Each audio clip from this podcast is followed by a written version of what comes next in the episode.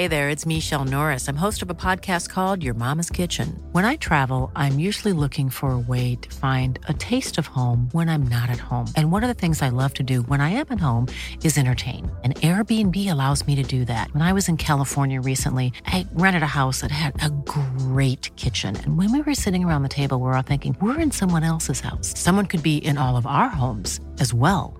If you have a home, but you're not always at home, you have an Airbnb. Your home might be worth more than you think. Find out how much at airbnb.com/slash host. Jewelry isn't a gift you give just once. It's a way to remind your loved one of a beautiful moment every time they see it. Blue Nile can help you find the gift that says how you feel and says it beautifully with expert guidance and a wide assortment of jewelry of the highest quality at the best price. Go to BlueNile.com and experience the convenience of shopping Blue Nile, the original online jeweler since 1999. That's BlueNile.com to find the perfect jewelry gift for any occasion. BlueNile.com. A lot can happen in the next three years. Like a chatbot may be your new best friend. But what won't change? Needing health insurance. United Healthcare Tri Term Medical Plans are available for these changing times. Underwritten by Golden Rule Insurance Company, they offer budget friendly, flexible coverage for people who are in between jobs or missed open enrollment. The plans last nearly three years in some states, with access to a nationwide network of doctors and hospitals. So, for whatever tomorrow brings, United Healthcare Tri Term Medical Plans may be for you. Learn more at uh1.com.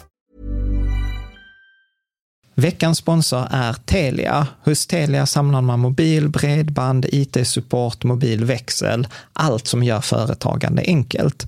Och det är just det här att samla allt på ett ställe, att ha någon att vända sig till när det inte fungerar, det är Telia. Ett exempel på vad som inte är Telia, det är ju som när jag lyckas boka förmötet för en poddinspelning med Finansinspektionen till efter själva inspelningstillfället.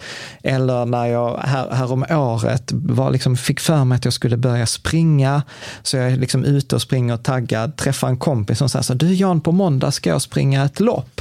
Och jag känner så här, ja men det låter inspirerande, så jag käkar pasta, jag byter om, tar mig ner till Malmö stadion för att göra en efteranmälan, står där i kön och sen så när jag liksom anmäler mig så tittar de på mig och säger så här, du Jan, vårhuset är bara till för kvinnor. Och eh, det var, det var typisk en situation som inte är Telia. Oavsett, ett stort tack till Telia som sponsrar, gör Rika Tillsammans möjligt, men framför allt tack till dig som lyssnar, följer och eh, hänger med oss varje vecka. Att jag tror att de flesta förstår inte att det är en matematisk omöjlighet för den dyre snittförvaltaren att slå den billiga snittförvaltaren. Du lyssnar på Rika Tillsammans-podden som handlar om allt som är roligt med privatekonomi. I den här podden får du varje vecka ta del av konkreta tips, råd, verktyg och inspiration för att ta ditt sparande och din privatekonomi till nästa nivå på ett enkelt sätt. Vi som gör den här podden heter Jan och Caroline Bolmesson. Idag är det dags för avsnitt eh, 145 och jag tänkte att vi ska fortsätta på vår serie här.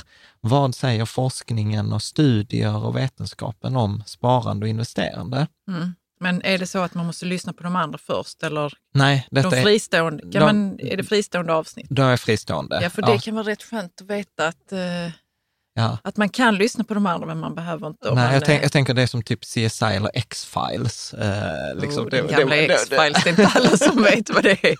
Men vi är ju... Vi är gamla. Ja. Eh, så att, eh, så att det, det, är ju liksom en genomgång av de viktigaste och mest inflytelserika studierna, vetenskapliga mm. studierna.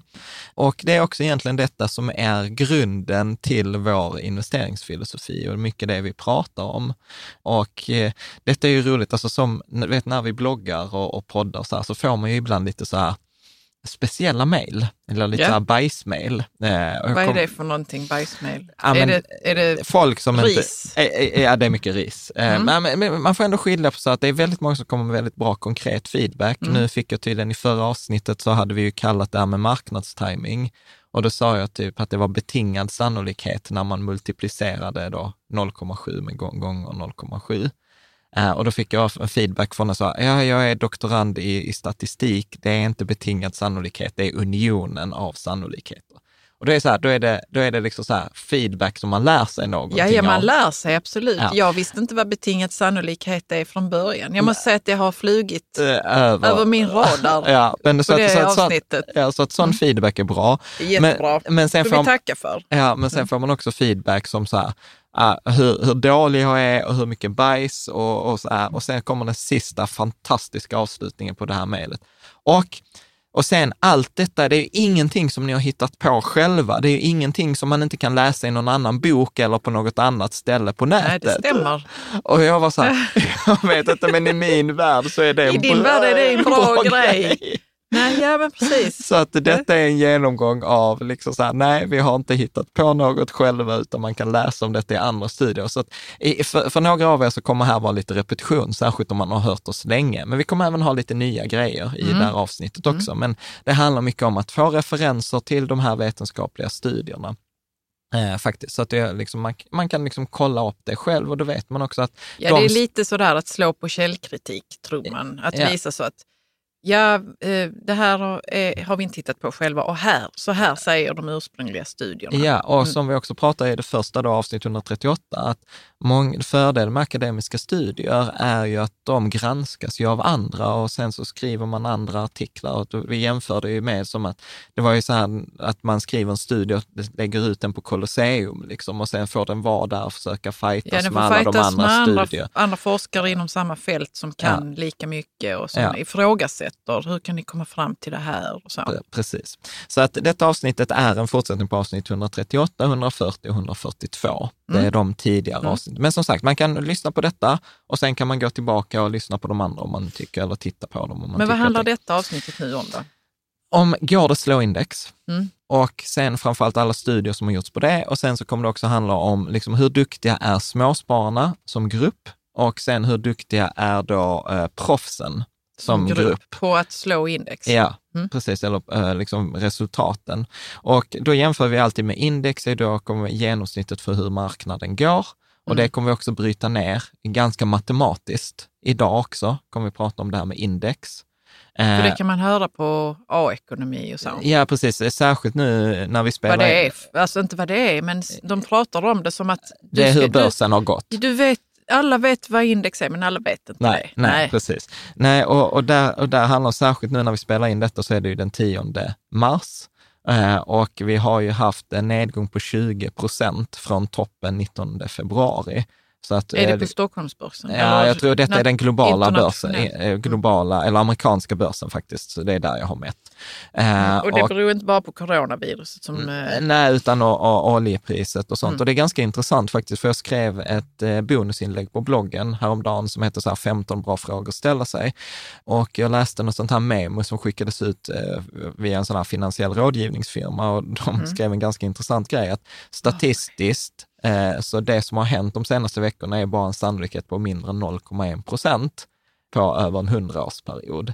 Så att det är liksom onekligen Ja, spännande, tid, sp- spännande tider. Samtidigt så tänker jag så, ja saker händer och det är så liten sannolikhet att först kommer coronaviruset, sen kommer oljepriset gå Och sen ner. kommer räntorna sänkas ja, och och då, ja visst, Ja, så att- ja, osannolika händelser, men de sker ju. Vi vet att de sker. Ja, och framförallt på börsen tenderar osannolika händelser ske väldigt mer sannolikt. Ja, det är än- så konstigt.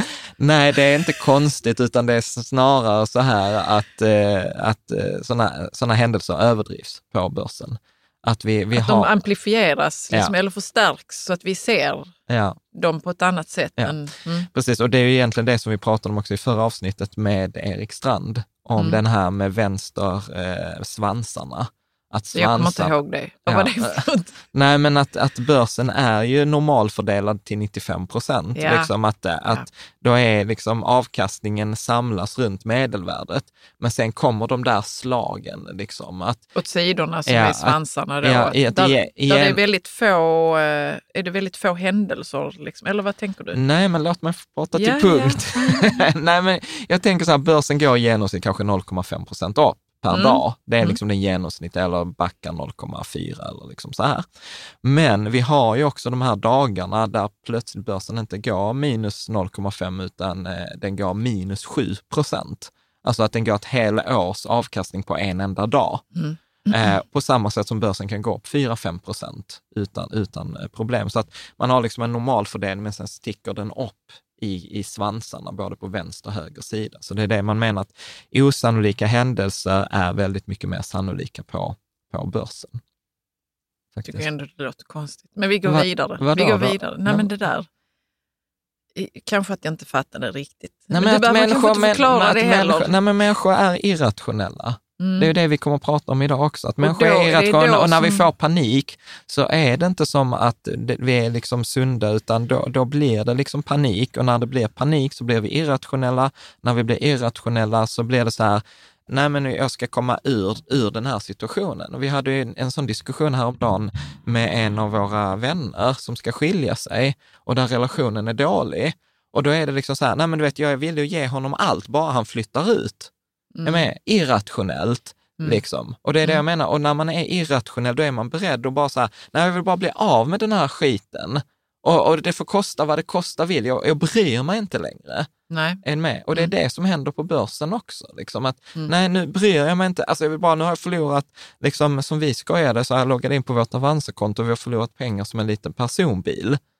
Ja. Är, är med. Mm. Och då hade man kunnat vara så här, nej men skit i det, vet, jag hade kunnat ta en pass, vi kunde köpt en ny bil istället för att liksom ha pengarna på börsen. Att man kan bli känslosam. Ja, ja. Men, jag, men det som, som gjorde att jag inte kände att jag förstod det där, att, eh, eh, som du sa, att, Svansarna. nej, att eh, statistiskt osannolika händelser har en tendens att ske. Väldigt mycket oftare än vad de borde. Och då tänker jag så, men är det så himla statistiskt osannolikt då? Det var det som, som bara snurrade runt i mitt huvud då, men vi behöver inte gå in på det mer. Mm. Nej. Nej Det men- behöver vi inte göra. nej, jag jag, man- man jag kan- tror jag fattar och hoppas att ni där ute fattar också. Ja, det är inte så viktigt heller att fatta Nej, detta nej. tror jag. Nej, utan, utan så här, ska man bli väldigt teknisk så handlar det om att så här, normalfördelning är inte en fantastisk fördelning för att simulera börsen. Nej, utan det- man, utan det- man behöver en andra fördelningar. Mm. Och då behöver man sådana som kallas för fat tail fördelningar. Mhm. Och, det där, och då är vi inne på liksom ganska mycket så här... Det är nörderi. Nörderi, Ja, men det är ändå ganska kul. Nej. Fat tail, ja. Ja, Låt oss fat gå tail vidare. Låt oss gå vidare. Jag, så jag ska vara helt ärlig, jag kan inte det där. Jag har inte Men han doktoranden i statistik, eller hon, jag vet inte vad det var, en.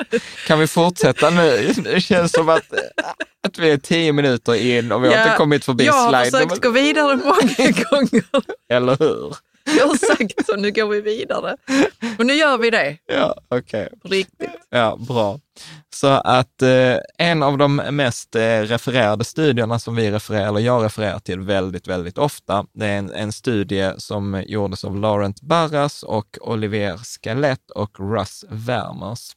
2010. 2010, som heter False Discoveries in Mutual Fund Performance, eh, Measuring Luck in Estimating Alphas.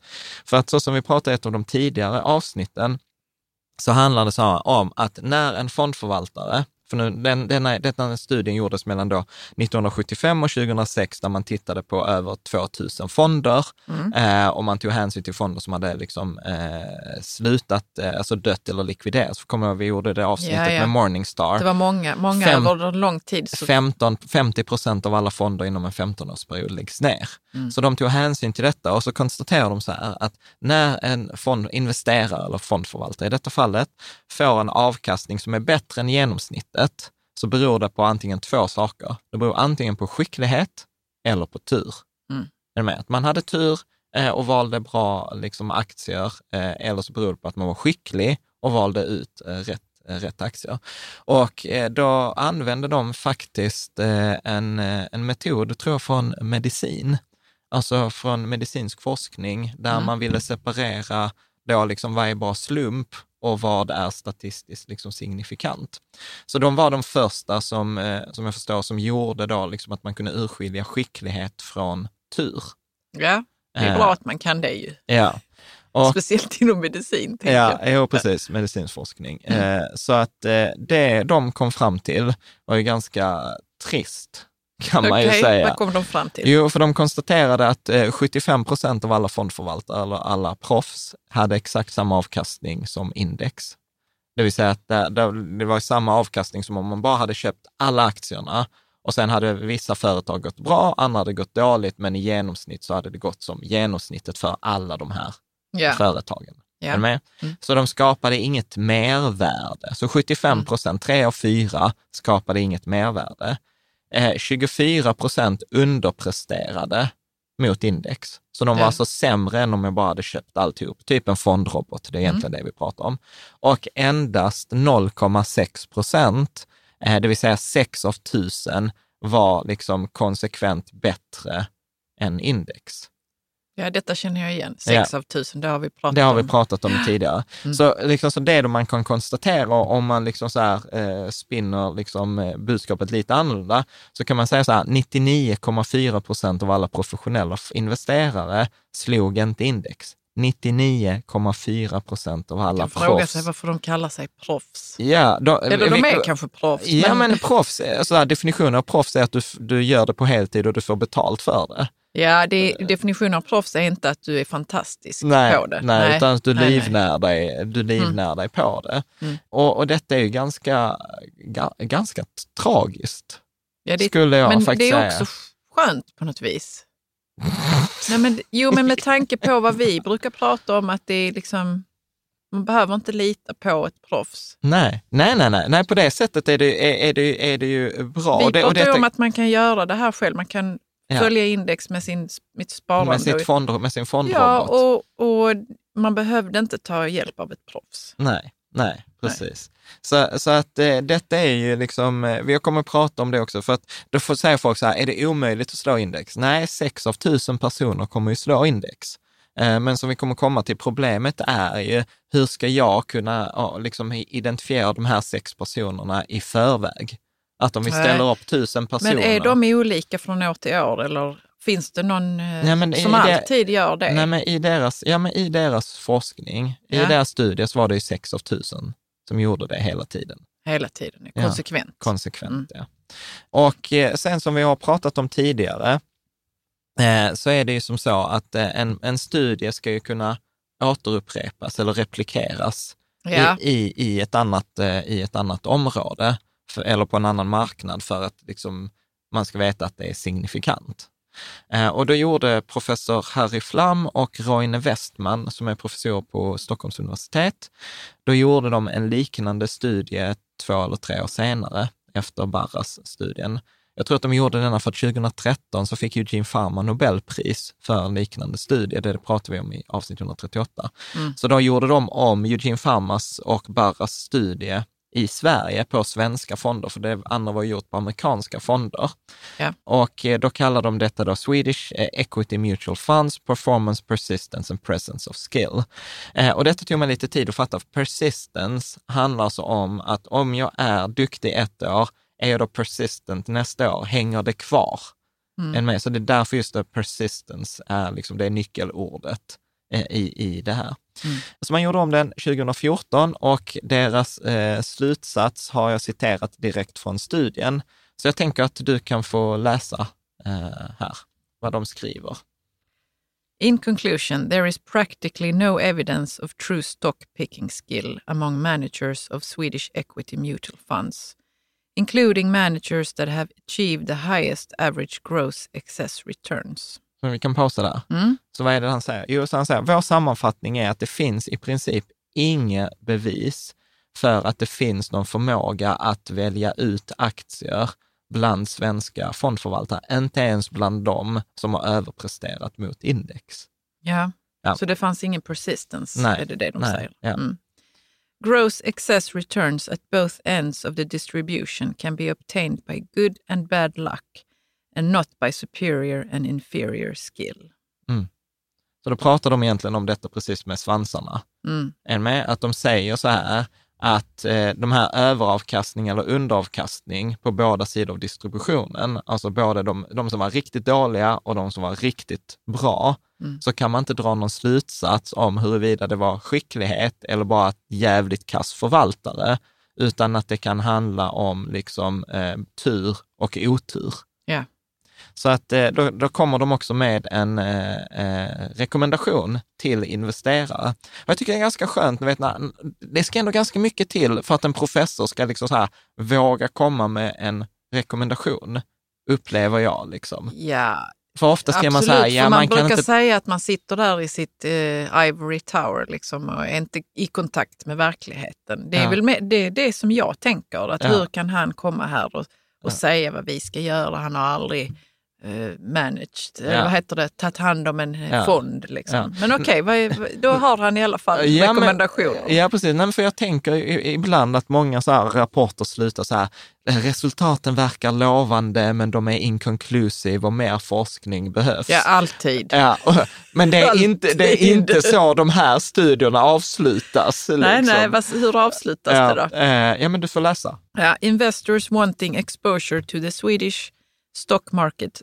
through mu- mutual funds should be aware of the lack of persistence in fund returns and choose a passively managed fund with low or no fees rather than an actively managed fund. Det är så jag blir så, oh! Gillar du Harry Flam? Harry? Eh, Ja, ja, jag gillar honom. Jag vet inte om han gillar mig dock. Eh, Nej. För, för jag vet att vi Har ni varit i luven på varandra? Ja, vi var faktiskt här i, i SVT Debatt för många, år för sedan, många år sedan. Så det skulle Var vi, ni i motsatta ja, vi skulle, läger? ja, vi skulle debattera bostadsbubblan. Så var det, ja. Ja, men eh, liksom, jag har jättestor respekt för honom och hans forskning. Han är jätteduktig. Sen kan vi ha lite olika åsikt eh, eh, kring... Mm. Men hittills har han ju vunnit. Nej, han vann inte den debatten upplever Nej, jag. nej, han vann inte debatten, men han har, det har ju inte blivit någon bostadsbubbla än. nej, nej. För du, var ju, du trodde ju att det skulle vara det snart. ja, Men han sa nej. Ja, ja, vi, vi, vi byter Vi samtal. hoppas att vi Harry, byter- Harry Flam lyssnar på detta. Vi, vi är ändå på din sida. Vi är fans. Jag är ett, jag är ett fan. Eh, och framförallt så är jag ett stort fan också för att eh, det var roligt för att det var någon som citerade hans studie, eller en annan av hans studier, i, i så här, som bevis för att man skulle välja liksom så här eh, aktivt förvaltare fond. Och och går- I vilket sammanhang var i en det? tidning, en debatt Ja, i en tidning. Och så då går Harry Flam ut och skriver väldigt diplomatiskt, väldigt snällt så här bara, jag tror du har misstolkat min studie. Du kan inte dra de slutsatserna från det jag har skrivit. Ja. Och jag tycker det är så, här, det är så. Han var så jävla, så pinsamt. Du vet, tänk att citera en studie och sen bara Och sen missa kommer det. upphovsmannen Eh, och säger så det är inte det jag skrev. Ja, Nej, precis. det är lite jobbigt faktiskt. Ja, så att eh, vad, vad Harry Flam säger här är att om man är en investerare, man vill ha liksom eh, äga svenska aktier, eh, så ska man eh, då inte välja en aktivt förvaltad fond, utan, för där finns liksom inga bevis för att det finns någon skicklighet i detta, utan man ska hellre välja en passivt förvaltad fond med inga eller låga avgifter eh, istället för den här mm, aktivt förvaltade fonden. Eh, vilket går ju helt i linje med det som vi pratar alltid om, fondrobot och liksom passivt sparande, regelbundet, så billigt som möjligt, låta pengarna vara, inte ha någon som försöker vara aktiv och välja ut vilka bolag och sånt som kommer gå ut i, i, i framtiden. Liksom. Mm. Ja, så att nej, Harry, man kan eh, som sagt, väldigt eh, kul att följa honom. Han gör ju mycket sån här forskning. Det finns en, eh, en dansk professor som vi också kommer att citera. Men min, eh, min eh, lite så här husgud här bredvid eh, Ray Dalio är då Eugene Pharma, som vi varit inne på. Han, han producerar ju mycket. Han gjorde en sån här eh, artikel också, eh, tillsammans då med Kenneth French. Det var, jag kommer ihåg, det var de som gjorde den här trefaktor-principen. Nej, du kommer inte ihåg. Okej, du som bara lyssnar på detta, ibland så kan du bara så här se, se Karos min här bara. Nej. Ja, I alla fall, det var han som pratade om att eh, värdebolag går bättre än tillväxt, små bolag går bättre än stora bolag, eh, aktier går bättre än räntor och Mm. hög lönsamhet går bättre än låg lönsamhet. Ja. jag som låter helt eh, Logiskt. logiskt, men han har visat att det är så på Ja, riktigt. Ja. Ja. Så i alla fall, så han eh, eh, gjorde en, en studie då 2010 som heter Luck versus Skill in the cross section of mutual fund returns. Eh, då, att återigen, så man har ju liksom efter att man kom på den här metoden, hur man kan särskilja tur från skicklighet, med, med hjälp av den forskning som gjorts inom medicin, Mm. så är det ganska många som har gjort den här studien på olika grejer. Och där gjorde man också en liknande, man undersökte eh, över 3 000 fonder mellan 1984 och 2006. Aktiva fonder. Då. Aktiva fonder, eh, precis. Och vi kan läsa deras eh, slutsats också, tänker jag. Mm. For fund investors, the simulation results are disheartening. The net excess returns after fees of the active fund management community were no better than what would be expected by random chance. Mm. Okay. Så, så disheartening betyder att det är, gillar det ordet, men det är liksom nedslående. Nedslående. nedslående. Ja, precis. Så att han säger så här, för, för investerare som sparar i fonder är resultaten, vad sa vi, nedslående. nedslående. För att eh, liksom överavkastningen efter avgift, alltså det som det ska gå bättre än index, eh, är inte bättre än det man skulle förvänta sig av att singla slant eller Ja, ren, av slumpen. Ren, av slumpen liksom. Mm. eh, så att du kan läsa sista meningen de, de skrev.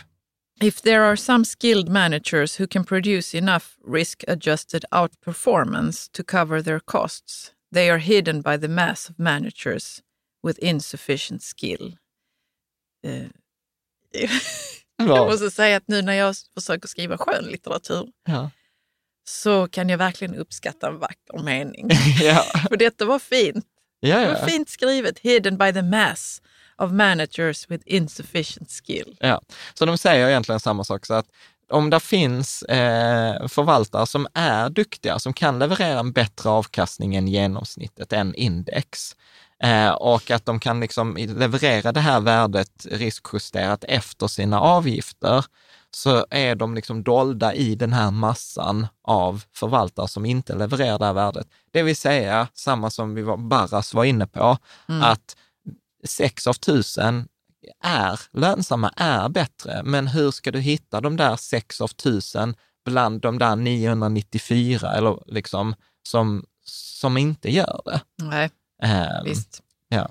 Och eh, här är faktiskt en ganska intressant grej. Jag var med i en debatt i, nu i början av 2020 för att eh, det var så Vad att var den nu? Det var... Ja, den pågick på i med. Alltså, återigen, Ja, det är ju en sån liten, ja, det är en sån liten eh, pöl, eller vad man ska säga, ankdamm.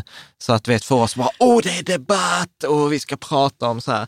Men då var det så här att det började i Dagens Industri att Fondbolagens förening gick ut och sa att det är bättre att ha aktivt förvaltade fonder eh, i sitt PPM-sparande, tror jag det var. För det har varit mycket diskussion i PPM om man, ska- vilka fonder som ska vara kvar. Och då blev det en debatt eh, varpå jag eh, skrev en replik i realtid.se eller på realtid.se. Och då var där också eh, förvaltare då Erik Spin, eh, Sprinchorn som förvaltade den här Core Ny Teknik för TIN-fonder. Det var han som förvaltade Swedbanks, eh, Swedbank Roburs Ny Teknikfond som har gått väldigt, väldigt bra. Eh, och eh, då skriver han i den här, då har jag bara citerat honom rakt av från den här debatten i realtid. Eh, så att du kan, eh, du kan eh, läsa här? läsa vad han har skrivit där. Jag gillar inte pajkastning utan tycker vi ska fokusera på fakta. Det mest intressanta borde vara att försöka förklara varför inte fler aktiva fonder lyckas bättre. De allra flesta aktiva förvaltare är välutbildade, duktiga yrkesmänniskor med goda intentioner. De har ofta valts ut i hård konkurrens. Så varför gör de som grupp inte bättre ifrån sig? Mm.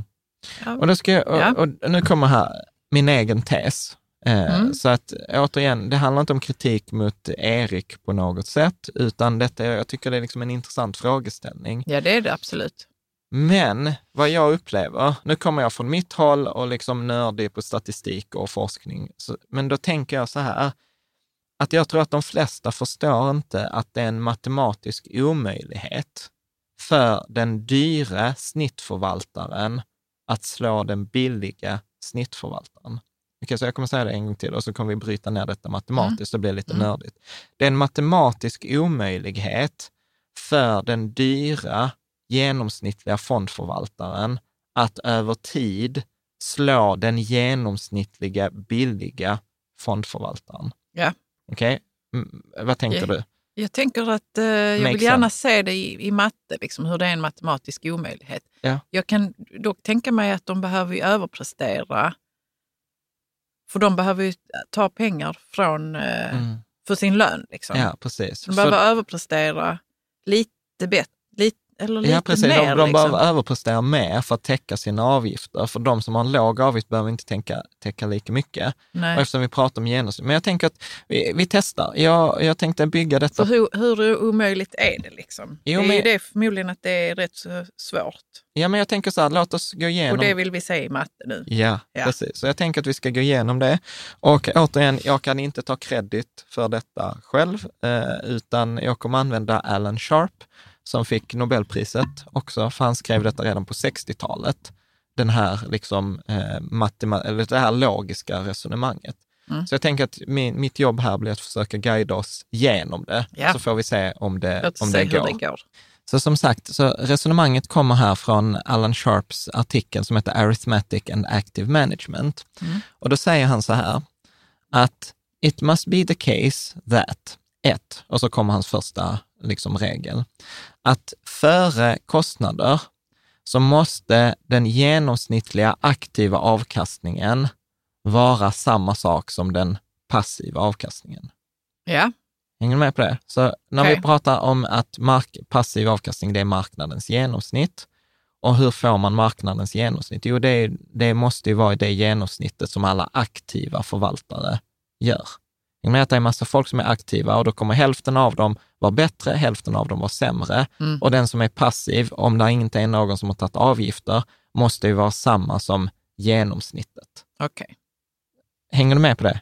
Jag tror det. Okej, men säg vad är det du är Jo, men för jag tänker eh, eh, före kostnader, före Mm. alla, alla fondkostnader och så, Ja. så, så ska den eh, aktiva, du skriver average active return här, vara Mm. l- samma som passive return. Mm. Tänk så här, Jo, Om- men det, det är okej, vi säger att det är så. Eller? inte vi säger, det är så. Det är så. Om du har 100 investerare, Mm. okej, och så säger vi så här, 50 av dem kommer då gå bättre än, än snittet, 50 Ja. av dem kommer gå sämre än snittet. Mm. Är du med på det? Mm. Och sen säger jag så här att jag är en passiv investerare, så jag nöjer mig med genomsnittet av de där Av 100, alla dem. av alla de 100. Ja, ja, men okej. Ja, då- du- When you put it that way. Ja, så Ja. då kommer jag vara genomsnittet. Jag som är Mm. passiv kommer vara genomsnittet av de aktiva. Och Mm. ingen har tagit några avgifter. Nej, Är ni med? Ja. Så om detta stämmer, givet då, då kommer efter kostnader, så kommer den genomsnittliga aktiva avkastningen vara mindre än den passiva avkastningen. absolut. Absolut. Mm. Ja, för det försvinner ju pengar Ja. till löner och sånt. Ja, och i fondavgifter Av- etc. i- för, för, men det är det som fondavgifterna ger, Bland annat. bland annat. Bland Okej. annat. Mm. Så att, kan du säga här, att här blir det ju, redan här slår vi hål på det där är, är argumentet Erik. Det matematiskt kommer den dy, aktive, dyre, genomsnittliga förvaltaren underprestera mot den genomsnittliga billiga förvaltaren. Mm. För att den genomsnittliga aktiva fonden, som är då dyrare än en passiv fond, kommer prestera sämre. Mm. Med? Och, det, och det är det som han skriver så himla skönt också.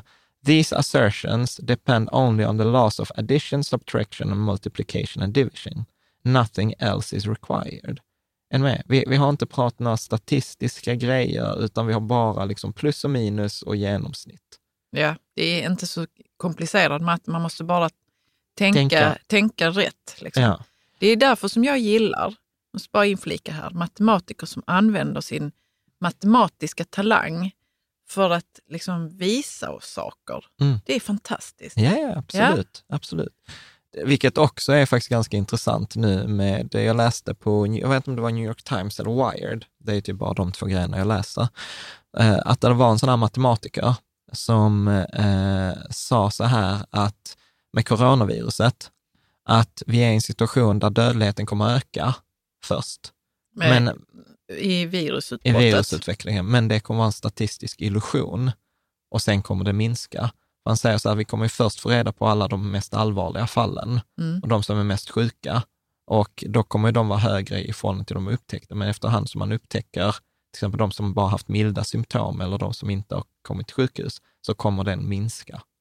Ja, det är därför de är ändå i New York Times tycker jag Ja. noga med att säga att vi inte vet Ja. egentligen hur Ja. många det är som är, är smittade och därför Ja. kan vi inte heller veta den exakta siffran på dödstalet. Ja. Och då är det, uppför den sig som en influensa ungefär. och det var så Mm. coolt för han skrev detta på Twitter, den här Mm. matematikern. Mm. Och sen så liksom så här två veckor senare, ah, du vet, är dödligheten ökar och sånt.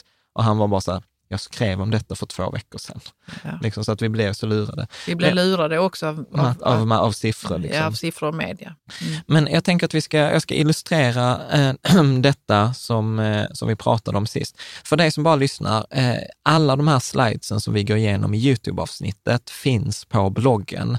Eh, och jag kommer länka till det, så man kan gå in där och titta på de här eh, slidesen om man, Alltså, om man vill. Är det specifika bilder som du kommer att lägga ut eller kommer du Jag lägga lägger, ut jag, alla? jag lägger ut alla. Mm. Eh, så kan man titta här. Men denna som vi tittar på, då är den eh, Vanguard, då, eh, där fondbolaget har illustrerat detta resonemanget som vi precis förde.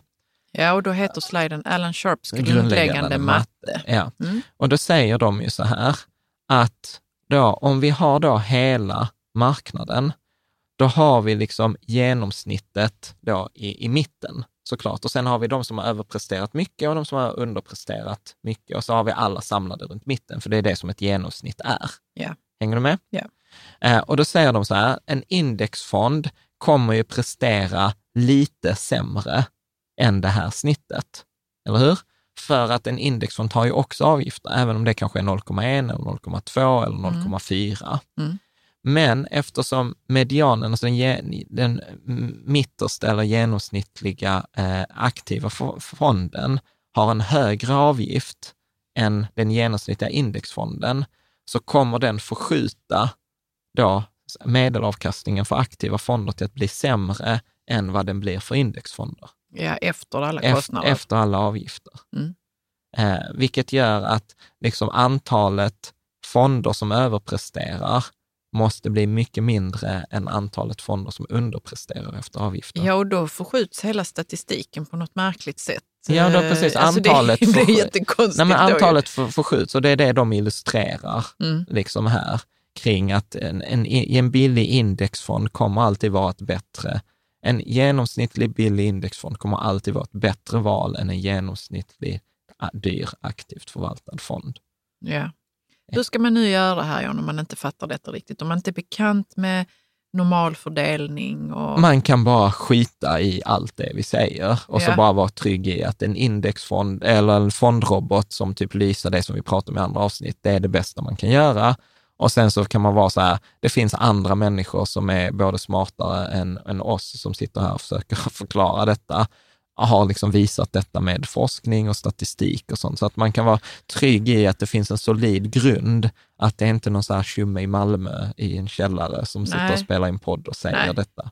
Det är, det är inte livsviktigt att man fattar detta, men om man skulle vilja det och inte Mm. riktigt hänger med så kan man, vad kan man göra då? Man kan, Nej, men det är väl egentligen, det är inte så mycket och liksom så här, detta är ju egentligen att vi bygger så här, vi klär skelettet eller granen här med kulor och vi är ner, långt ner i kaninhålet i detta avsnittet. Ja. Och, vi, och det kommer, vi ska ner lite till i det kaninhålet. kan vara så man märker att man är intresserad av detta men inte förstår. Då får Ja. man kolla Eller lite på grundläggande statistik. eller så gör man så här, man tittar på innehållsförteckningen i samband med beskrivningen på poddavsnittet eller YouTube och så bara hoppar man till nästa kapitel. Det kan man göra. Ja. Så kan Jo, men man- jag tyck, och vet, det, vet du varför jag ställer denna frågan? Det är för att jag är lyckligt lottad ja, så. som har fått lov att, att eh, doktorera och använda statistik. Ja. Och jag har blivit tvingad till att använda statistik och jag tyckte Ja. att det har varit pestigt innan jag fattade och du vet. Ja. Eh, sådär. Och nu så känner jag mig så jävla tacksam för att det gör att jag förstår det som vi pratar om. Mm. Men jag hade inte förstått det annars och så vill jag att andra också ska få det. Men man, man får, man får liksom nä, nästan titta på grundläggande statistik för att Ja. okej, fatta normalfördelning och då kommer man att fatta det här också. Ja. Liksom. Men vi, vi kan testa en sista om. gång innan vi går vidare. Att det Mm. kan ju vara så här, återigen, vi har de här 100 investerarna.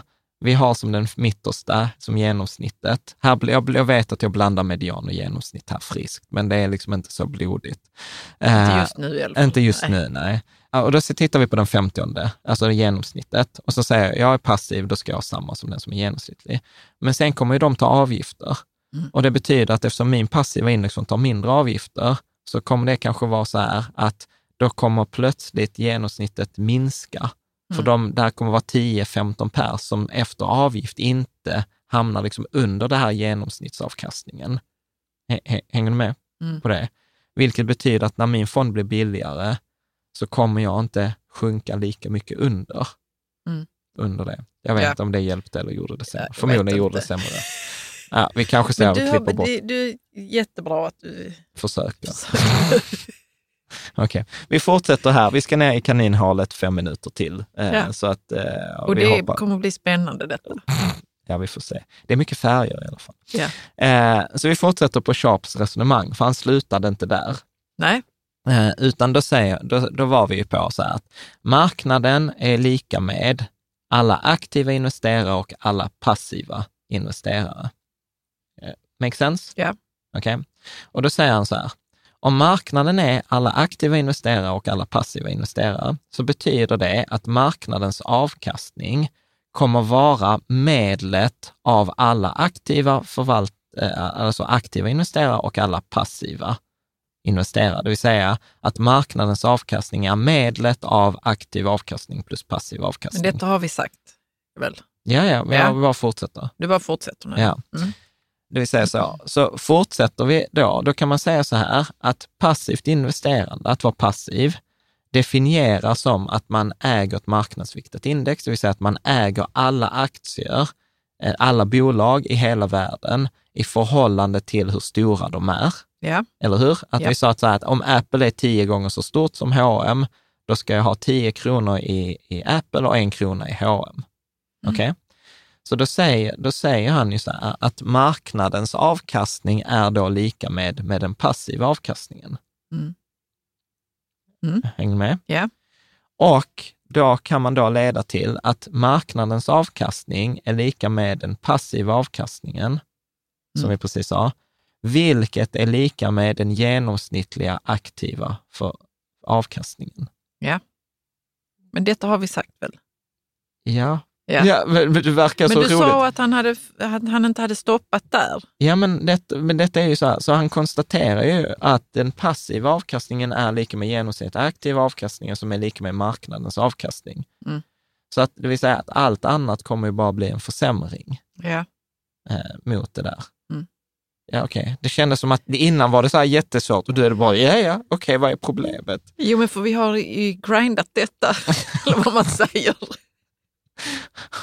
Okej, Vi, har ju, vi har tagit detta flera gånger nu och nu så visar du det i, liksom, i eh, resonemang, i, log- resonemang, i, i logisk logiskt res- resonemang. Ja. Jättebra. Ja. Och, Yes. sen, och sen dessutom så vill de aktiva ha betalt för sitt jobb, alltså Mm. kommer de, eh, de eh, aktiva vara sämre än marknadens avkastning. Mm.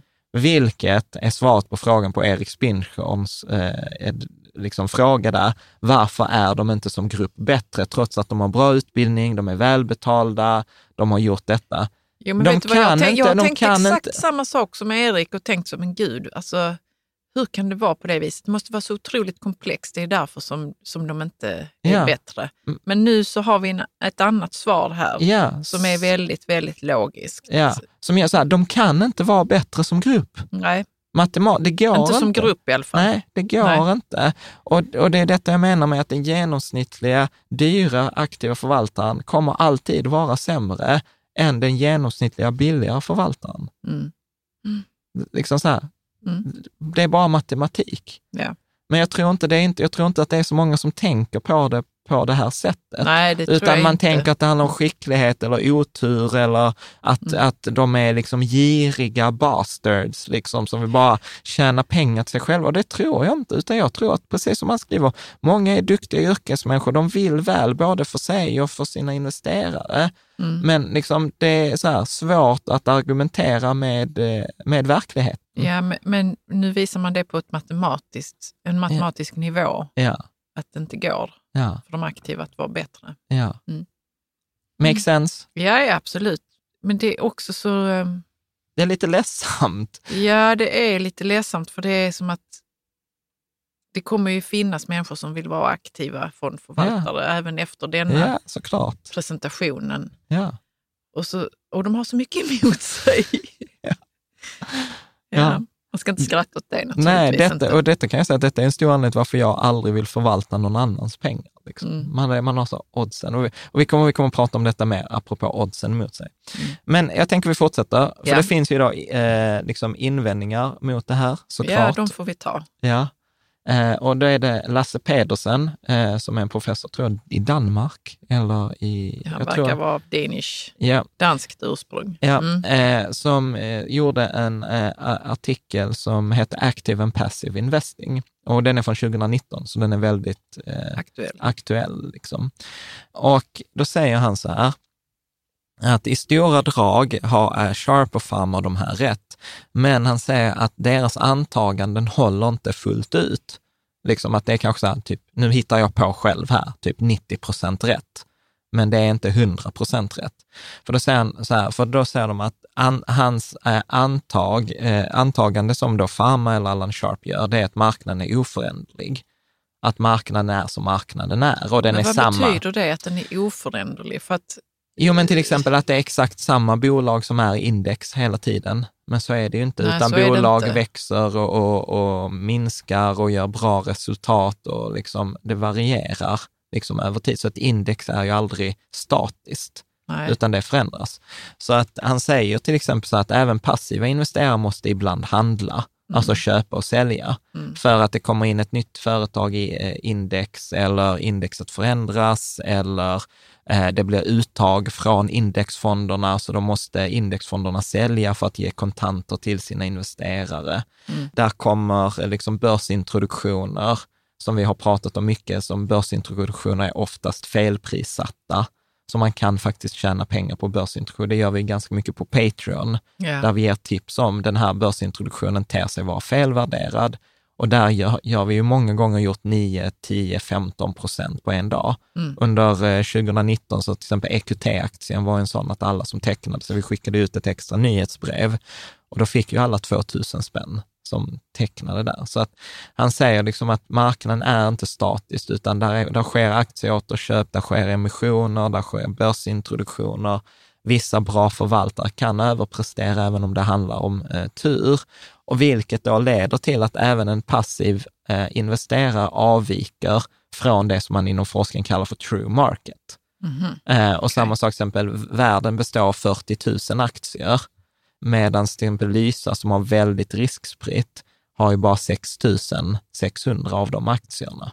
Mm. Är ni med? Mm. Så att, så att även om liksom det matematiska resonemanget är solitt, så är det inte liksom så att marknaden är liksom att till exempel Lysa försöker göra en approximation, en, en bild av marknaden, för man kan inte ha hela marknaden så som forskningen definierar hela marknaden. Nej, nej, jag fattar att det går inte praktiskt möjligt. Ja. Mm. Och därför uppstår avvikelser. Ja, det kan jag hålla med om. Ja. Men så trots det här, liksom, så skriver han tydligt, så han är också tydlig, att då skriver han så här, när, när då till exempel aktiva förvaltare tradar med varandra så är det ett nollsummespel.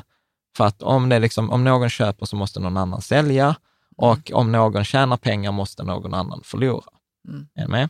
Han säger också det här att avgifter är ett härke, det äter upp spararnas pengar. Så låga avgifter, precis som Pharma och Flam och alla de andra. Och sen så konstaterar han också att många förvaltare skapar inte något mervärde. Och rekommendationen till småspararna är så här, är spara i Vi, f- förlåt, nu bara tappade jag det. Jag skulle säga passiva indexfonder, så bara kom det så aktiva, det var inte det jag menade. Passiva indexfonder. Passiva indexfonder. Ja, precis. Eh, Så att, så att återigen, även de som är kritiska och invänder mot de andra artiklarna håller med om de stora Jo, fast det, han var penseldragen. inte kritisk till eh, själva slutsatsen, Nej. att man ska spara i, i passiva indexfonder, utan han var kritisk till hur har ni tänkt att, att forskningen ska spegla verkligheten Ja. i form av eh, True market. till true market? Ja. Ja. Mm. Ja, precis. Bra. Sen finns det ju mycket studier då på, så hur, eh, hur, hur är då småspararen versus proffsen? eh, etc. Hur är småspararproffsen versus index och så här. Och då finns det massor av olika studier på det här. En, en som jag gillar är Dalbar, som är ett amerikanskt företag som varje år ger ut en rapport. Liksom hur har det gått för marknaden, hur har det gått för småspararen?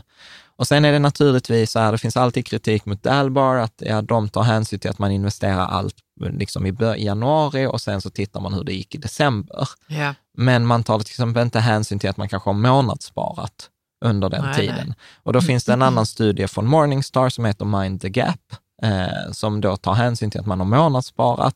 Men oavsett vilket så visar allihop att småspararna underpresterar. Det enda man är oense om är hur mycket underpresterar de? Underpresterar de med 0,6 procent per år eller är det 1,2 eller är det uppemot 3 procent?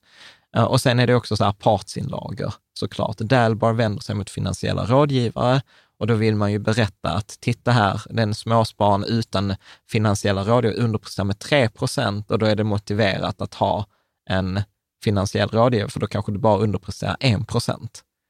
Hänger du med? Men är det verkligen så objektivt det de gör då? Nej, men det är därför jag säger så här, nej, jag lyfter inte bara upp det på Dalbars studie, utan Nej. jag kommer presentera flera olika Nej, bara- saker som pekar i samma riktning. Bara liksom eh, bli helt avtänd eh, Mm. när det ska liksom riktas på något vis och visas upp siffror som kanske... Ja, men där finns en, eh, liksom en, en skew, liksom, eller att man vill liksom, eh, man, man, har, man, man har någon vinkel och man vill göra en poäng. Men bara för att man vill göra en poäng så invaliderar inte det alla slutsatserna. Och sen är inte min poäng att säga så här, oh, genomsnittliga småsparare underpresterar med x procent. Xet är inte så intressant. Nej. Särskilt inte om, äh, liksom, där finns tre, fyra olika sätt man kan titta på detta på. Alla visar att den genomsnittliga småspararen underpresterar. Ja. Hänger Nej, med? nej, visst. Ja. Vi går vidare. Ja, Mm. så att till exempel Dalbar visade då att över en 20-årsperiod så hade, gjorde exempel amerikanska börsen 5,6 procent, den genomsnittliga småspararen gjorde 3,8 Mm. eh, procent. Och det blir ganska mycket, alltså det kan vara en skillnad på, till exempel där, där visar de att om man har investerat 100 000 kronor, då fick du 214 000 kronor om du gjorde det själv eller hade aktivt förvaltade fonder och försökte tajma marknaden och massa andra grejer. Men om du bara hade en indexfond, ja, då hade du 298 000, det vill säga nästan 100 000 kronor mer. Eh, är med? Och på räntesidan var det ännu, ännu värre. Så att eh, om man ska säga någonting, då kan man säga så här, att om, ska jag förvalta mina pengar själv som småsparare, då, är, då, då, är det liksom, då kommer jag vara sämre än index. Jag kommer också dessutom vara sämre än den, den genomsnittliga fondförvaltaren. Så i valet mellan göra själv och ge det till en fondförvaltare, bättre ge pengarna till en fondförvaltare. Men jag kommer ihåg 75 procent av alla fondförvaltare levererar detsamma som index. Ja, Så att det är bättre att ha en- aktivt förvaltad fond än att göra det själv. det. Men, det som, men eftersom sen de 99,4 procent underpresterar mot ett index, så är det egentligen det bästa du kan göra är att ha en index. Ja, Hänger du med?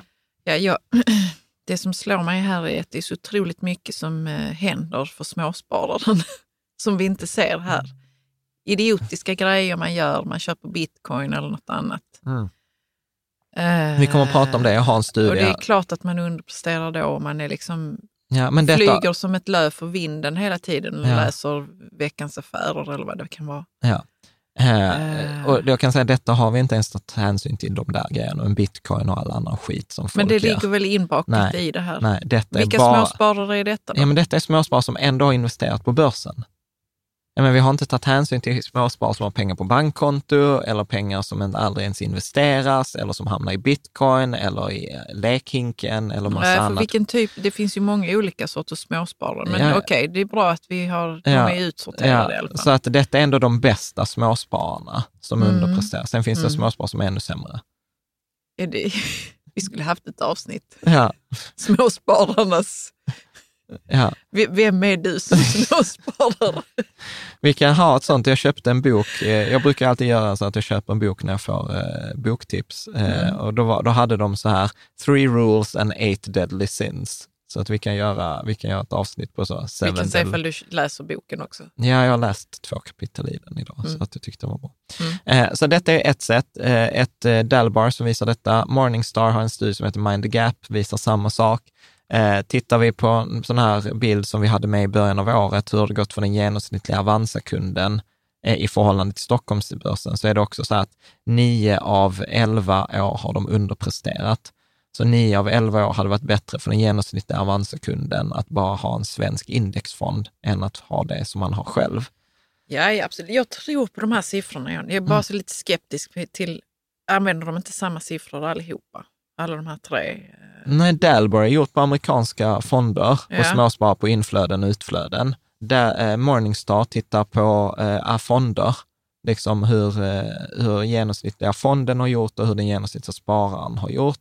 Detta har ju ingenting med amerikanska fonder eller amerikanska företag, för detta är de facto vad Avanza har när de kör igenom sina småsparare och aggregerar dem.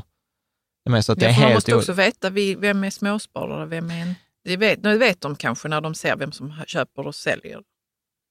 Jag fattar inte frågan. Nej, men till exempel Avanza, Ja, Avanza-kunder. ja. Där är Men, ju både småsparare och det är för... men där finns bara småsparare. Okej, det är bara... Är det? Ja, Ja, ja okej, det visste inte jag. ja alltså, så- nej, men, Nu tittar du på mig som att jag är lite dum, men okej. Du, jag, jag vet inte sånt, Jan. Ja, det är ingen fara. Ja. Okej, så små, så här, proffs, det är de som förvaltar fonder. Proffs räknas för de som förvaltar fonder eller de som förvaltar stiftelser. Men var, liksom, köp, var, var eh, lägger de sina beställningar någonstans? På, eh, när de köper fond, eh, aktiefonder? och- Ja, alltså de har ju ofta någon, till exempel Carnegie eller SEB eller Swedbank. Eller de kör någon- inte alls Avanza Nej, alltså. nej. Där ser man. Man Ja. lär sig något nytt varje dag. Ja. Jag känner mig helt som att jag är helt naken här. Vilket jag som det är, men Jag bara, Skönt att du behövde påpeka det. ja. okej. Okej, ska vi fortsätta nu? Mm. Ja. Sen fattar jag återigen att liksom så här, nej, alla småsparare, vi har ju till exempel buffertkonto på Avanza, vi har inte alla pengar i 100 aktier. Nej, nej, så, nej. Att, så att man kan inte ta det liksom så här face value, men liksom så här, trenden är ändå liksom i den riktningen, skulle, Mm. jag, skulle jag säga. Ja, det är bara att ju mer jag tänker på det, desto mer ifrågasätter jag liksom varför de siffrorna är ifrån och vad, gör, vad är det för typ av småsparare de tittar på och så vidare. Och det kanske inte ens har någon relevans Nej, just här. nej. Det kanske det inte har. Det Nej. är bara att jag blir intresserad, Ja. väldigt intresserad av vad, vad småspararna egentligen sysslar med Ja, med men sina det kommer, pengar. det, det kommer en studie på det här Ja, alldeles okej. strax. Jag kan bara ta så här, eh, liksom småsparare där. Man har gjort eh, studier i Tyskland mellan 2005 och 2010 där man tittade på 9000 småsparare. Konstaterade att 91 procent av dem underpresterade mot index. Liksom. Mm. Du kan ju läsa slutsatsen, eh, vad de skrev eh, i den studien. It can thus be concluded that the large majority of individual investors do not have uh, skill to outperform the market and if they do, it is mere luck. Mm. Och då är det småspararna man pratar, individual investors. Mm. Exakt, ja. Och den studien hette Just Unlucky, där man då bootstrapping simulation to measure skill in individual investors eh, Mm. investment performance. Så är det med, så att jag, jag tycker även liksom så här, nu har vi liksom, vi har tittat på detta på fyra olika sätt. Vi har tittat på amerikanska småsparare via Dalbar, vi har tittat på Morningstar, vi har tittat på studier från Tyskland, vi har tittat på våra egna siffror från Avanza, som Avanza har delat med sig. Mm. Okej, Eh, liksom, etc. vi får acceptera detta. Du får acceptera, jag har redan accepterat detta. Eh, ja. Vad kommer här nu? Ja. Småspararen är lite dum i huvudet, står det här på denna sliden. Du vet om att vi är småsparare. Ja, jag vet. Det, och det är därför jag tycker så att det är Bara okej kolla- att jag ska... För, för, ja, för att jag ingår i det här. Jag har nog varit dum i huvudet mer än de flesta. Eh, liksom om jag tittar historiskt, för jag har ju förlorat mäng, mängder av pengar, både liksom under flera gånger. Eh, men jag tänker vi, vi ska titta på den här eh, studien av Brad Barber och Terence O'Dean, eh, som den kom 2011 och heter The Behavior of Individual Investors. Mm. Så de gick igenom och så, så tittar de på den här, men varför underpresterar eh, Småsparare. Varför underpresterar de individuella spararna? Ja. Och eh, de konstaterade att man underpresterar då mot index och det beror på att man till exempel säljer vinnare och behåller eh, förlorare. Att man går ur, alltså att man säljer när börsen går ner. Ja, att man blir rädd och Ja, jag måste ta ut mina pengar, jag förlorar annars och så. ja Det är Precis. beteendet. Ja, Mm. precis. Och framförallt tänker man så här att när en aktie har gått upp eller en fond har gått upp, då tänker man att nu ska jag hämta hem vinsten. Och, och sen så tänker man att den som har gått dåligt, då tänker man, ja men den säljer jag när, eh, när den är tillbaka på noll, då har jag åtminstone inte förlorat några pengar. Och så gör man det här misstag som jag fick en fråga från en duktig investerare, så här, Jan, varför behöver du tjäna igen pengarna på samma häst som du har förlorat pengarna på? Mm. Är det inte bättre att satsa på en bra häst som kan vinna tillbaka pengarna liksom bättre än Mm, den där andra? Ja. Mm. Man väljer nästan bara på historisk avkastning, att man tittar på vilka fonder gick bra förra året och sen väljer man dem, trots att det inte finns någon persistence, Mm. som vi har pratat om. Man är väldigt känslostyrd i form av de här liksom smärta, njutning, vad är jobbigt, vad är kul. Eh, Men det är, för det sitter ju människor i fondbolagen också, men de drivs alltså inte på samma sätt av Nej, eh, proffsen, känslor nej men och- proffsen är mycket, mycket bättre. För att ofta är det så att de har ett mandat.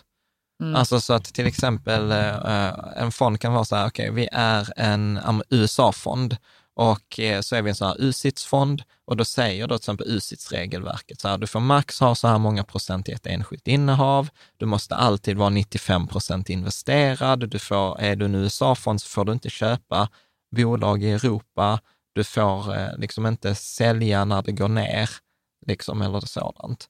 Så, så att, regler så att för de att har- det inte bara ska bli vilda västern. Ja. I, för köper jag en USA-fond så vill jag ju vara exponerad mot USA. Ja. Annars kö- lägger jag inte pengarna i den. då, Nej, vill nej, jag visst. inte, då vill jag inte att USA-fonden ska hitta på någon jäkla, eh, liksom, ja, köpa bananas. aktier i, i Europa menar Nej, Mm. exakt. Så att på det sättet är ju att fonderna är mycket mer reglerade, mycket mer strikta. Mm. Eh, Liksom. För, att där kan för då skulle jag kunna gå till den fonden, du, du skulle vara, detta var regelverket, detta var den förutsättning jag satte in pengar på, men du följer ju inte det. Och då kan, då kan de ju bli till exempel skadeståndsskyldiga eller Ja, ja visst. sådant. Ja. Så att det är där jag menar proffsen är bättre än Det är bra att småspararna. vara lite stel. Ja, men proffsen är också sämre mot index. Mm. Och sen också att man har ett underdiversifierat sparande, att man har lagt alla äggen i samma korg, eller man till exempel investerar allt i Sverige, trots att Sverige bara står för 1 procent av det totala börsvärdet och liksom annat.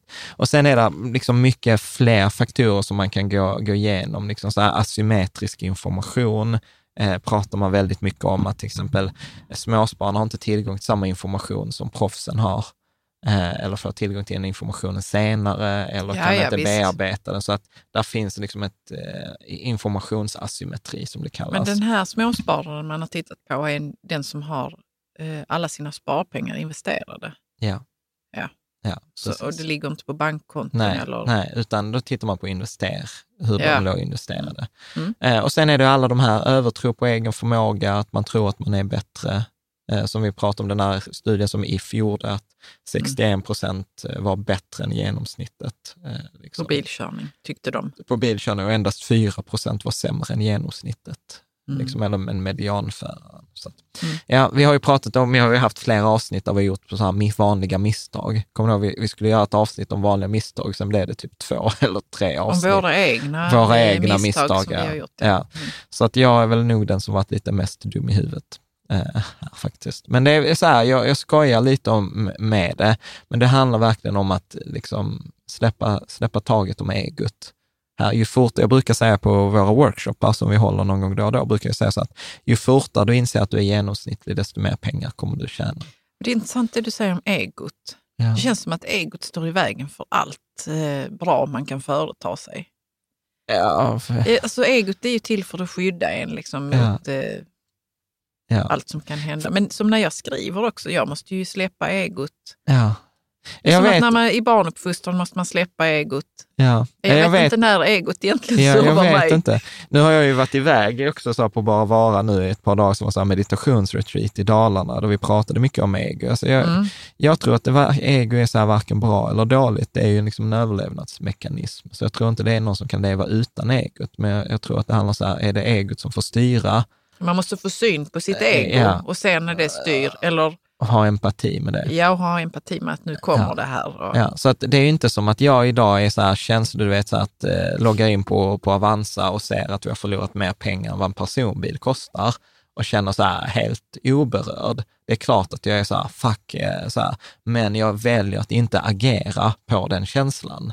Mm. med? För jag har fått syn på känslan och jag vet så här, nej men det finns massa trygghet. Jag kan ju inte liksom göra emot alla de här studierna till exempel. Nej.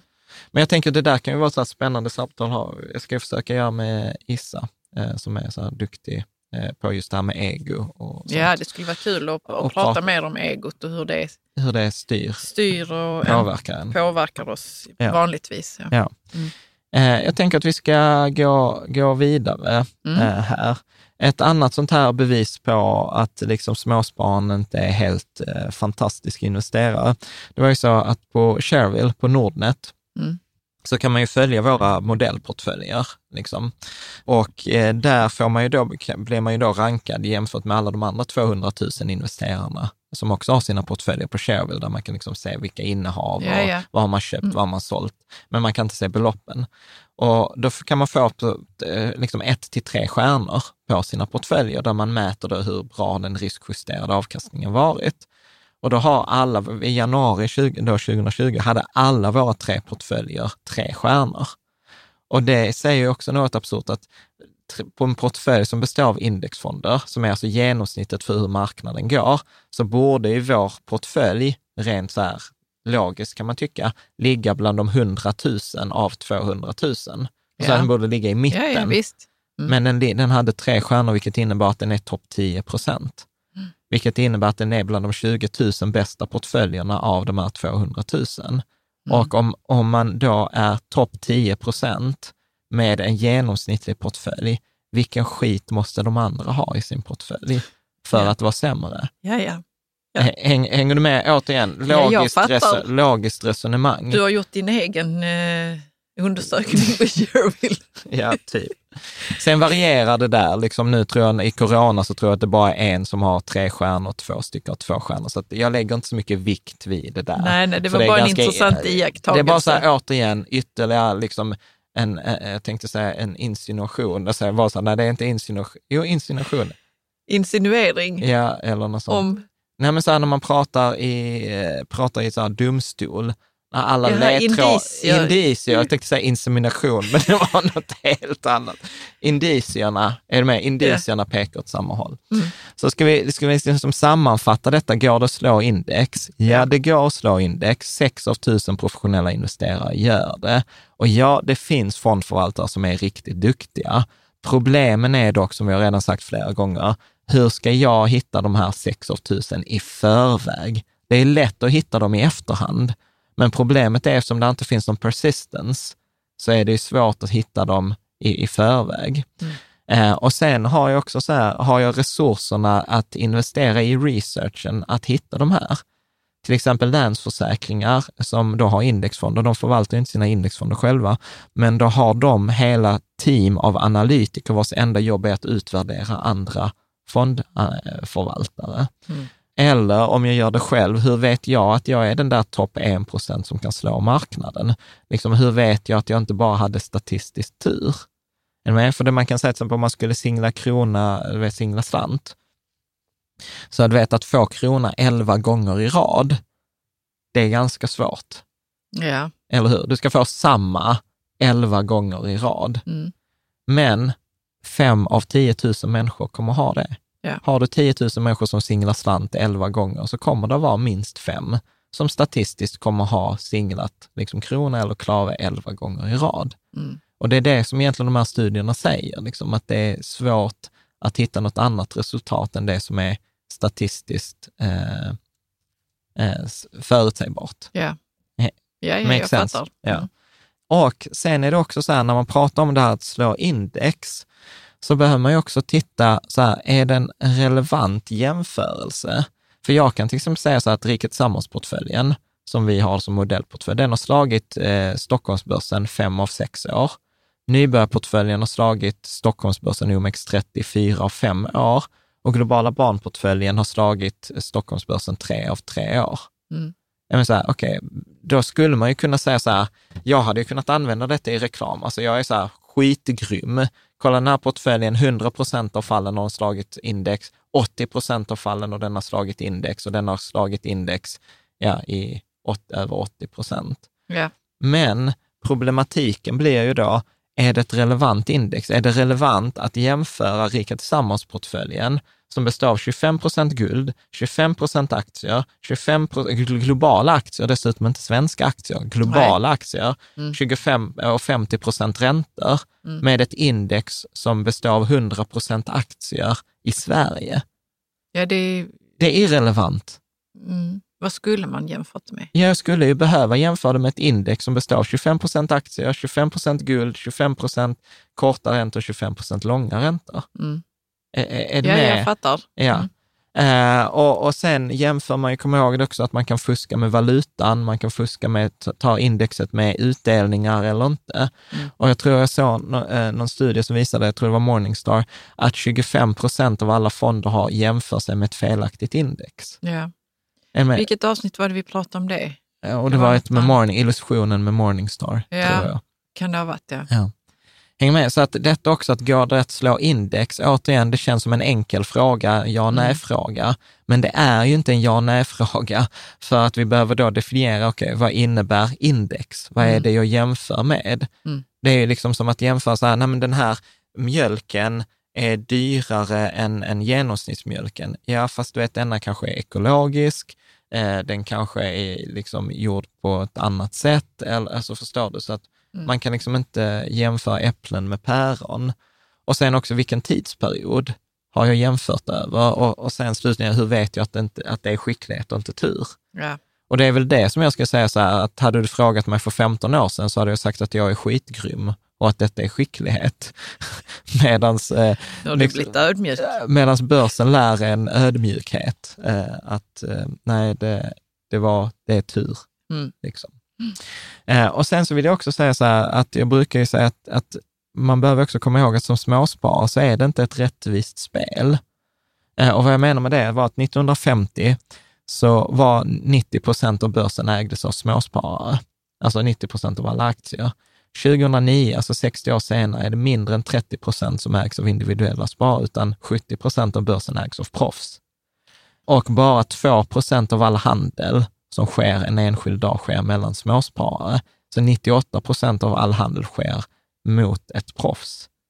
Eh, så att i 98 fall av 100 så handlar du inte av Kalle på andra sidan gatan, utan i 98 fall av 100 handlar du med en professionell fondförvaltare, en professionell fondföretag, en professionell pensionsstiftelse eller någon annan. Som har bestämt sig för att sälja något. Som har helt andra resurser än, än du.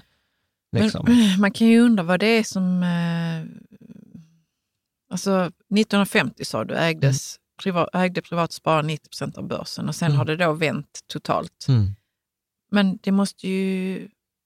Alltså hela den ekonomiska sfären måste ju ha förändrats i grunden. Jättemycket. Det var ju... Vi, vi, det fin- och, ja, ja. och det är väl säkert en självklarhet för ja. många som, som fattar detta och som är insatta i detta. Men för mig är det så. Jag visste inte att 1950 ägde privata Nej. sparare 90 procent av börsen. Nej. Nej, så är det ju. Alltså, det är ju bara att kolla som Sjunde AP-fonden som förvaltar 2 000 miljarder kronor. Mm. Är med? Alltså det är sjuka mängder pengar. Liksom, du vet, det var Lysa, tror jag, hade nu förra 2019, så tror jag att de sa att vi förvaltade 3,5 miljard och då förvaltar de ett företag och, och sånt också. Men det var typ 30 000 sparare. 30 000 sparare har totalt 3,5 miljard. En enda fond med ett team på typ liksom ett antal personer förvaltar 2 000 miljarder. Mm. Alltså är, är det med nästan, ja, vad blir det, 500 gånger mer? Jo, men vad är det du vill säga med det? För för mig är det som att vad jag ser här är en jättestor, eh, ska man säga, en finansiell arena liksom, ja. som har bildats på 50 år. Ja, ja. Eh, och eh, det känns lite som att man inte förstår hur den cirkusen fungerar Nej. riktigt och då känns det otäckt. Nej, jag ska inte säga otäckt. Ja, jag tycker jag... det är otäckt. Jag vill ju gärna ha kontroll och förstå. Liksom. Ja, ja, men precis. Eller så, hur, kom, vad, hur snabbt kommer det här att snurra? Liksom, kommer det snurra snurra snabbare och snabbare? Vad innebär det för mig? Ja, ja. Eh, eller min jag familj. Skulle, liksom. Ja, precis. Jag skulle säga och då blir det otäckt, tycker ja. jag. Men, så här, men det, det kanske vi, det inte är. Nej, men det visar man på 90-talet var det mycket enklare att vara investerare än vad det är nu. Mm. Så att det är mycket, så att jag ska säga att det talar ju mer och mer för det vi pratar om index. Försök inte ens spela det där spelet. För att på den där arenan så, så har du ju typ, alltså det är detta jag brukar göra paralleller med fotboll. Liksom så har vi fattat att Barcelona eller Champions League är något annat än division 7-korpen som spelar på fotbollsplanen utanför vårt hus. Mm. Är med? Det, det är inte samma, men på börsen så spelar Barcelona på samma spelplan som division 7-laget Korpen som gör detta för att de tycker att det är kul och som har det som hobby, Mm. medan de spelar på liv och död. Ja. Är ni med? Så att det, är en helt an- det finns ju helt olika förutsättningar. Och jag tog med den här bilden eh, som jag gillar från veckomötet på Bridgewater, som är en sån här hedgefond i USA som har typ 1600 anställda, varav flera hundra är dok- doktorer och professorer. Och det är roligt, för när du såg bilden så såg du så här, ja, gud, ska Vad är det här för någon uh, universitet? Alltså, jag- för mig ser det ut som att det är en bunt studenter som sitter och lyssnar på någon jättetråkig chef. Eller liksom ett, eh, ett jättetråkigt, eh, en jättetråkig föreläsning. ja, Men, men veckomötet heter What's, What's going on in the world på Bridgewater Ja. och, och du säger att hälften av dem har doktorerat. Och ja, inte hälften, men väldigt någon många. sitter här och har, kollar på sin telefon. Det kan vara så att den här personen eh, antecknar på sin telefon, det vet inte jag. ja, Men du, du tyckte att det här såg sjukt eh, bra ut och jag tyckte att detta såg ut som att de, amatörernas afton. ja, men att de hade så halvtråkigt på detta Ja. mötet. Men det är ett viktigt möte Nej tydligen. men, nej, men så här, min poäng är att det finns alltså företag som varje vecka har liksom till exempel veckomöten. Så här, vad händer i världen? Vad kommer hända ja, nästa alltså, vecka? Det är jättespännande att de med, har det. Med, med liksom, de, de, de kan ta in vilken professor, nobelpristagare eh, som helst. De har själva utvecklat strategi och varit först inom detta med alfa beta strategi och de var bland de som utvecklade hela riskparitetskonceptet etc. De sitter på de här och liksom tycker att det är klurigt och liksom funderar på vad som kommer att hända, skriver rapporter och förvaltar eh, 16, 1600 miljarder kronor. Mm. Är du med? Och, och det, är de, så här, det är de du spelar mot. Det är de som sitter på andra sidan eh, liksom skärmen när jag köper eller säljer en, en aktie. Ja, men det är en bra bild att, som du har tagit med. Nej, men för det är ändå roligt. Ja. Att det är de här, du pratar om att det är de här vi spelar mot, bland Ja. annat då. Ja. Eh, för de är ju lika, alltså jag, eller jag vet inte vad jag ska säga om det här. Det är bara det är människor, men de har visst en annan nivå på sin utbildning och förståelse för vad de Ja. sysslar med än vad jag har, ja. såklart. Ja, så jag tänker att eh, vi, nu vi börjar närma oss här nu ett långt avsnitt, men jag tänker att vi ska runda av det med lite nedslag i, i andra, eh, andra studier. Man gjort en studie som är ganska kul, när man tittade på anställning och uppsägning av professionella förvaltare. Eh, Så man tittade på Mm. Nu kommer pensions, något bra, jag känner det på mig. på så pensionsfonder till exempel, eller stiftelser eller universitet. Japp. Eh, så det var då Amit Goyal och Sunil Vahal, the selection and termination of investment managers by plan sponsors. Eh, och, Publicerat 2008, ja. ja, så man undersökte 3 400 förvaltare mellan 1994 och 2003 och man inkluderade 869 uppsägningar från 482 institutioner och över 6 000 miljarder i förvaltat kapital. Och det de man konstaterade var att förvaltare tenderade att ha en överavkastning mot index innan anställning och ingen statistisk överavkastning efter anställningen. Hänger du med? Förvaltare tenderade att ha Så överavkastning de var bättre än innan- index. Så deras historik var att de var bättre än index. Sen anställdes de och sen så- var de då, sen hade de ingen överavkastning längre. What? Ja. Kalifornien, en sån här lärarfond, eh, var, var en jättestor nyhet i den här institutionella världen. Eh, de förvaltar 3 800 miljarder kronor. De sparkade hela sitt förvaltningsteam och satte pengarna i indexfonder. Interesting. Liksom. Men varför eh, var det så att förvaltarna innan de blev eh, anställda hade statistisk överavkastning och sen så blev de sämre efteråt? Ja, var det jag- för att de liksom ändrade sitt sätt att Nej. hantera? Nej, Nej. alltså jag tycker så här, för mig är detta superlogiskt. Ja men vänta, jag måste tänka här. Här. Jag kan inte komma på det. Tänk så här, tre år innan de blev anställda så Mm. hade de en genomsnittlig avkastning på 3 procent över index. Ja. Är du med? Ja, så långt hänger jag med. Ja. Ja. Det blir de anställda på. Titta, den här, Ja. detta, är en stjärn, detta är en stjärnförvaltare. Mm. Han har överpresterat, eller hon, har överpresterat med 3 procent mot index de senaste tre åren. Honom eller henne vill vi ha. ja. Så anställer man Mm. och sen tre år efter att man har anställt, om man tittar hur har det gått, då har de underpresterat med 0,5 procent i genomsnitt. Vad har vi pratat om annan? De hade bara tur. Ja, okej. Är du Jag Man- det var något konsekvent, alltså en konsekvent eh, resultat som man såg. Nej. Ja, så, det är ju, alltså så här, återigen, så här, det finns ingen persistence. Det är det, det, är det detta visar egentligen från ett annat håll. Det finns inget sånt här, liksom så att bara för att du har överpresterat de senaste tre åren så är Nej. det inget tecken på att du kommer Nej, jag överprestera fattar. de kommande man har tre åren. samlat de som hade det bäst. Ja, för det är de man och de anställde. hade haft lite tur. Ja. Mm, så anställde man dem och Ja. sen så kom de ut och så hade de inte tur längre. Nej, Okej. Ja, för jag tänkte så, shit vad konstigt, att, vad hände med dem där inne liksom, ja. i anställningen? Men Ja. okej, nu, Ja. så, nu fattar jag Fattar det. du? Ser du Mm. också att återigen, går i linje. Mm. allting, allting går, går i samma linje. Mm. Eh, man gjorde också en annan studie, eh, gjordes 2009, eh, av Scott Stewart, John eh, Neumann och Christopher Nittel och Jeffrey Heisler tydligen. Eh, investment allocation decisions by institutional plan sponsors. Eh, det vill säga att man tittade på när en ny förvaltare eller kom in eller man ändrade då hur man skulle investera sina pengar. Eh, Så man gjorde alltså en förändring. Så att man tittade på, istället för att titta på uppsägningar och eh, anställningar, så tittade man på när man gjorde byten, man ändrade sin strategi. Mm. Och då konstaterade man att endast i två av 18 år mellan 1985 och 2002 bidrog en förändring med ett mervärde. Och det som man ansåg då var den främsta anledningen till underprestation var då performance chasing att man jagar den här överavkastningen. Och man konstaterade att för de här eh, institutionerna som man, eh, som, detta, som man undersökte så hade detta kostat dem över 1700 miljarder kronor i liksom, avkastning som man aldrig har fått. Ja. Och jag tycker liksom det är ganska slående den här grafen, att två, endast två av 18 år så bidrog den här förändringen med ett positivt mervärde. Mm. Så återigen, liksom, don't, det är liksom knappt lönt försöka. Sen eh, finns det så här studier på venture, venture capital-bolag, alltså riskkapitalbolag, du vet proffsens proffs, de som inte ens är med på börsen utan de är utanför.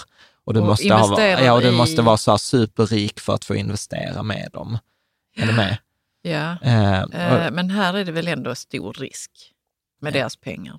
ja, både ja och nej, inte om du har tillräckligt många bolag. Mm. Men då, Okej. men då var det en, eh, eh, då finns det i en stiftelse i USA som heter Ewing Marion Kaufman Foundation. Eh, och de, de förvaltade 18 miljarder kronor.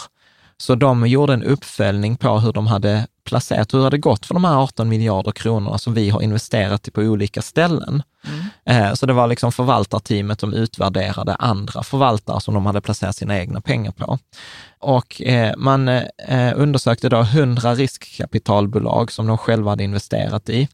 62 procent underpresterade mot ett småbolagsindex på vanliga börsen. Endast fyra av 30 bolag som fick över 4 miljarder att placera slog småbolagsindexet Mm. och 78 procent av investeringarna gav inget värde för pengarna. Nej. Är med? Ja. Så att eh, liksom så här, återigen gå i linje med eh, riskkapitalbolag och sen så tittade man även på private equity, alltså de här som investerar utanför börsen och som är till för de rika människorna. Eh, så man tycker alltid som småsparare, vet, om jag bara har mycket pengar så får jag de bästa investeringarna. Ja, och ja, är visst. private equity en av dem. ja. Mm. Och då gjorde man också en studie 2003, eh, Private Equity Performance, Res- Returns, Persistence and Capital Flows. Mm. Så man tittade, är då private equity-bolagen duktiga? Eh, Kan man säga att de som överpresterar ett år överpresterar de även fortsättningen? Och då undersökte man 746 private equity-företag mellan 1980 och 1997 och slutsatsen var att eh, genoms- avkastningen för en genomsnittlig private equity-firma motsvarade efter deras avgifter ett genomsnittligt börsindex. Mm. Så de var inte heller dock eh, eh, liksom så mycket bättre. Där var dock skillnaderna mycket större än genom fonderna, men sen så har denna studien kritiserats också lite för att ha lite smalt urval eh, etc. Okej. Mm. Liksom.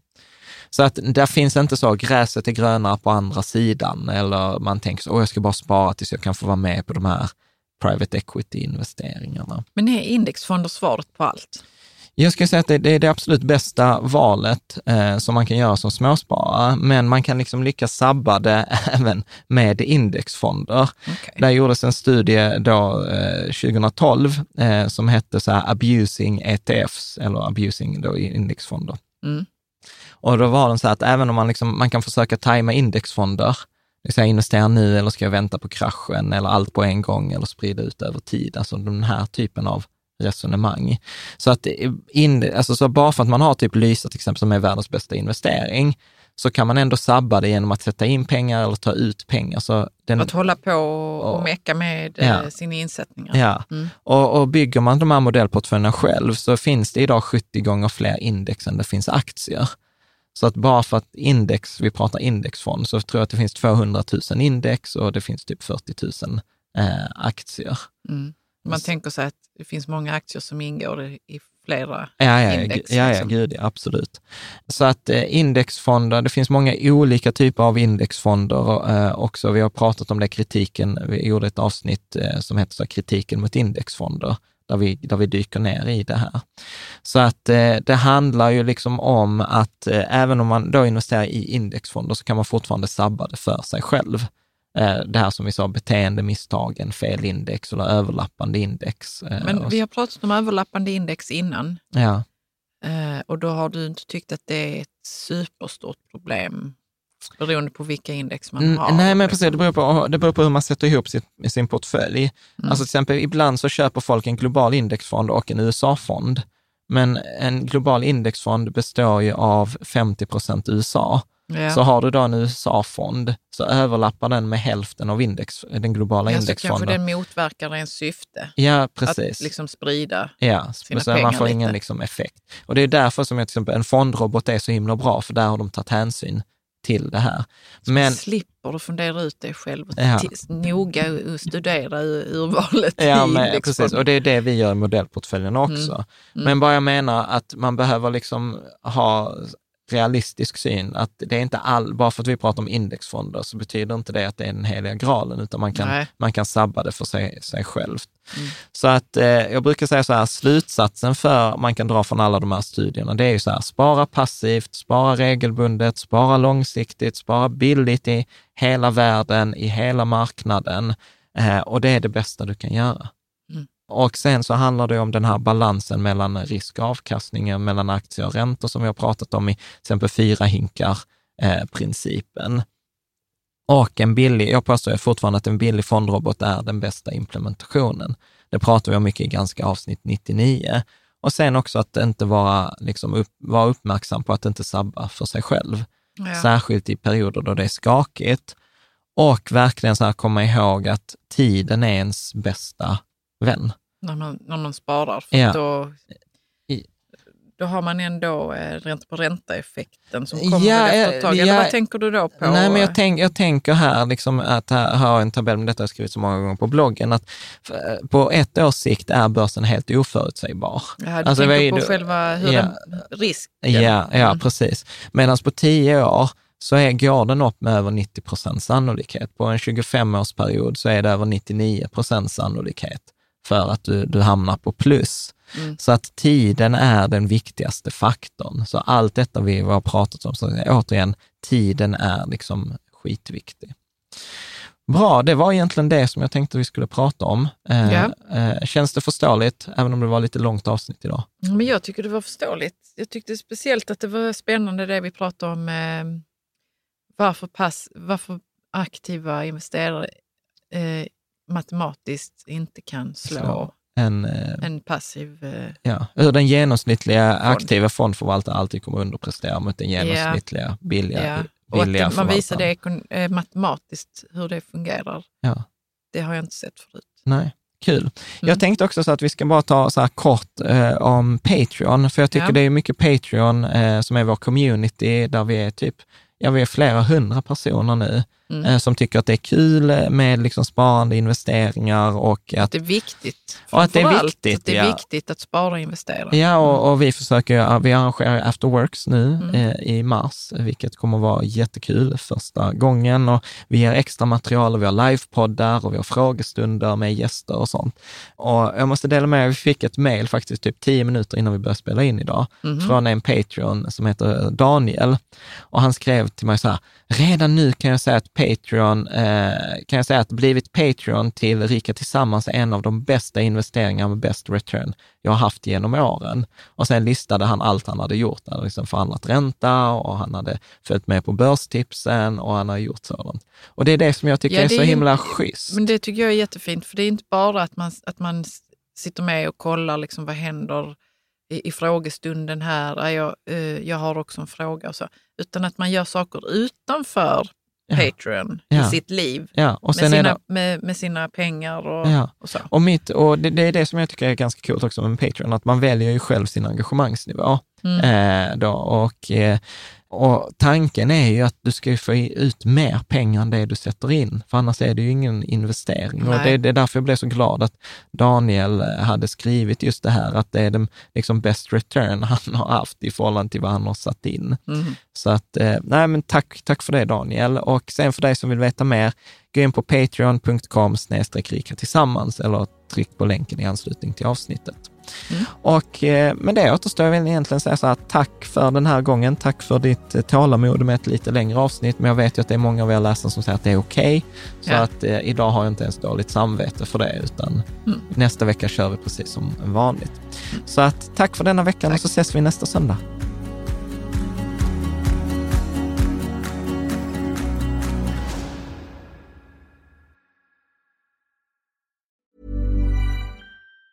Planning for your next trip? Elevate your travel style with Quince. Quince has all the jet setting essentials you'll want for your next getaway, like European linen, premium luggage options, buttery soft Italian leather bags, and so much more. And it's all priced at 50 to 80% less than similar brands. Plus, Quince only works with factories that use safe and ethical manufacturing practices. Pack your bags with high-quality essentials you'll be wearing for vacations to come with Quince. Go to quince.com slash trip for free shipping and 365-day returns. Mom deserves the best, and there's no better place to shop for Mother's Day than Whole Foods Market. They're your destination for unbeatable savings, from premium gifts to show-stopping flowers and irresistible desserts. Start by saving 33% with Prime on all body care and candles. Then get a 15-stem bunch of tulips for just $9.99 each with Prime. Round out Mom's menu with festive rosé, irresistible berry chantilly cake, and more special treats. Come celebrate Mother's Day at Whole Foods Market.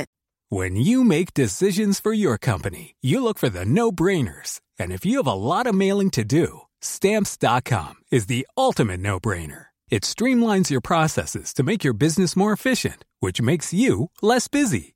Mail checks, invoices, legal documents, and everything you need to keep your business running with stamps.com.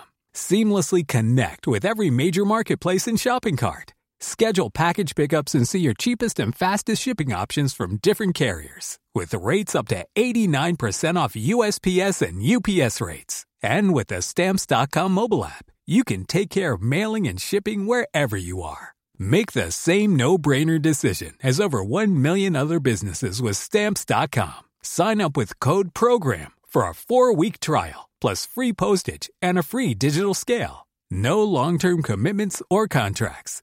That's stamps.com. Code program.